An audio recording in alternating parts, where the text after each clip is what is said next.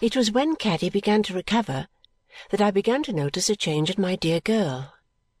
I cannot say how it first presented itself to me, because I observed it in many slight particulars which were nothing in themselves and only became something when they were pieced together. But I made it out, by putting them together, that Ada was not so frankly cheerful with me as she used to be. Her tenderness for me was as loving and true as ever. I did not for a moment doubt that. But there was a quiet sorrow about her which she did not confide to me and in which I traced some hidden regret. Now, I could not understand this, and I was so anxious for the happiness of my own pet that it caused me some uneasiness and set me thinking often.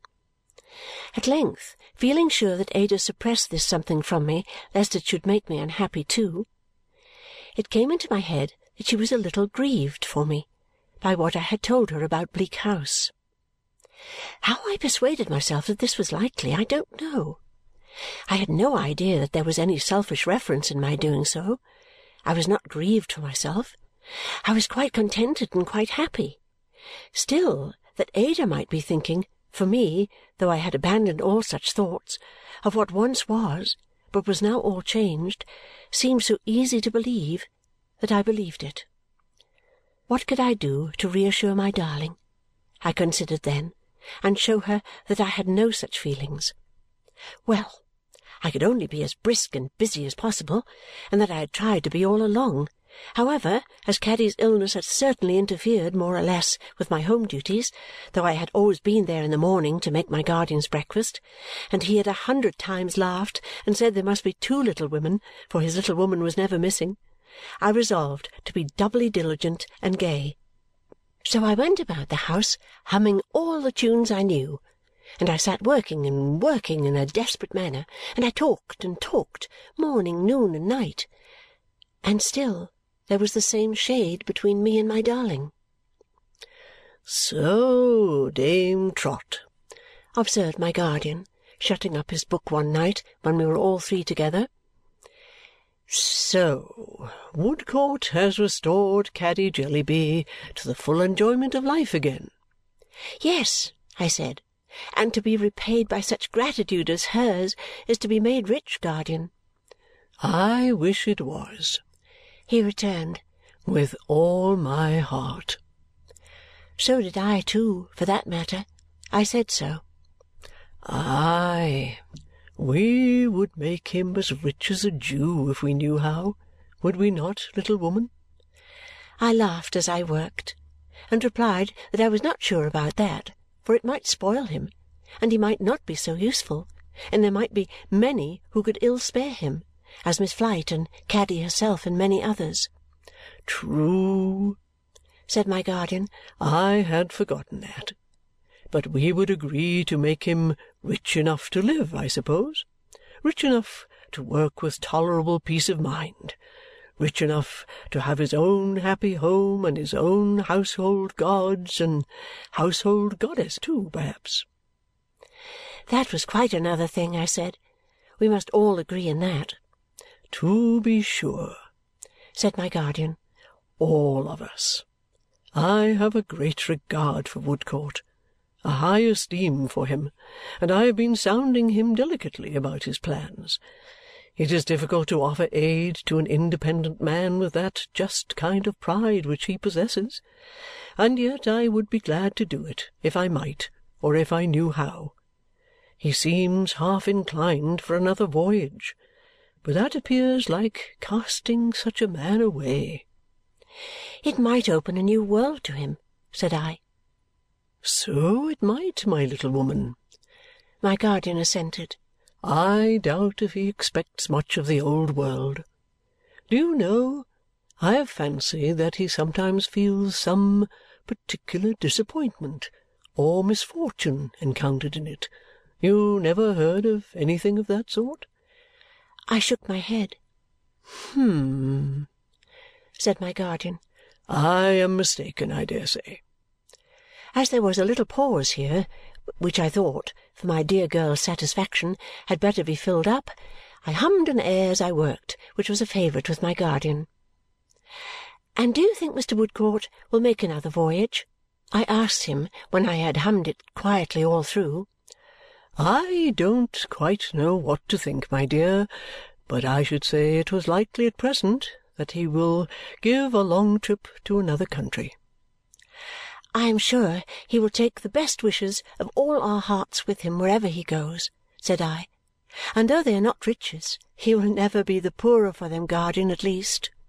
Never, little woman, he replied. I was sitting in my usual place, which was now beside my guardian's chair. That had not been my usual place before the letter, but it was now.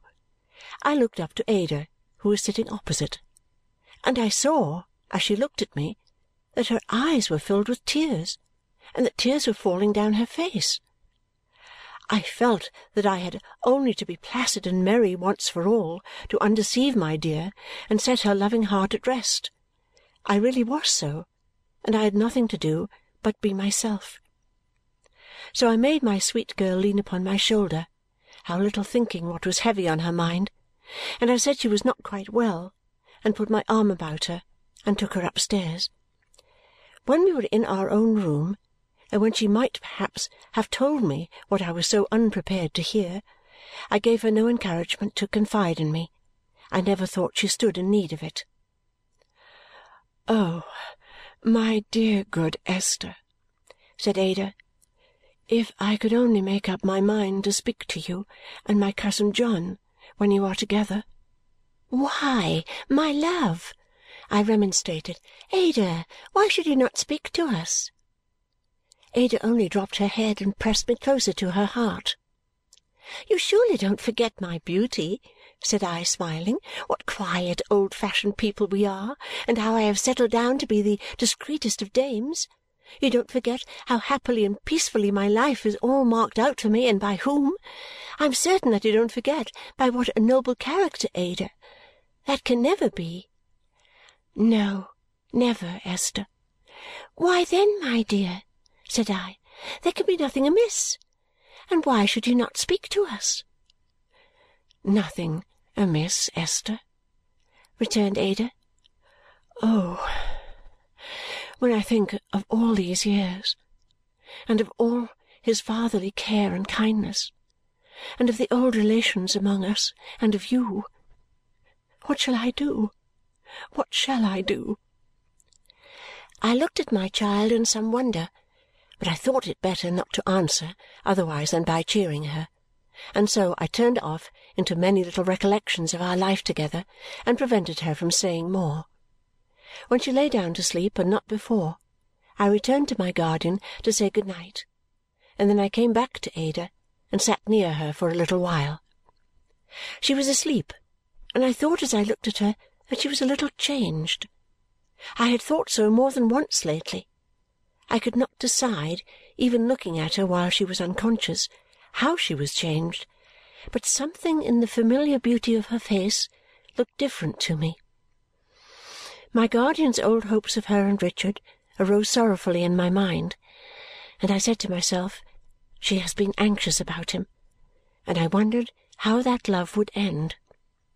When I had come home from Caddy's while she was ill, I had often found Ada at work, and she had always put her work away, and I had never known what it was. Some of it now lay in a drawer near her, which was not quite closed.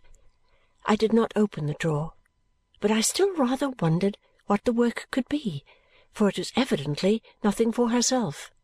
And I noticed, as I kissed my dear, that she lay with one hand under her pillow so that it was hidden. How much less amiable I must have been than they thought me! How much less amiable than I thought myself to be so preoccupied with my own cheerfulness and contentment as to think that it only rested with me to put my dear girl right and set her mind at peace! But I lay down, self deceived, in that belief, and I awoke in it next day to find that there was still the same shade between me and my darling.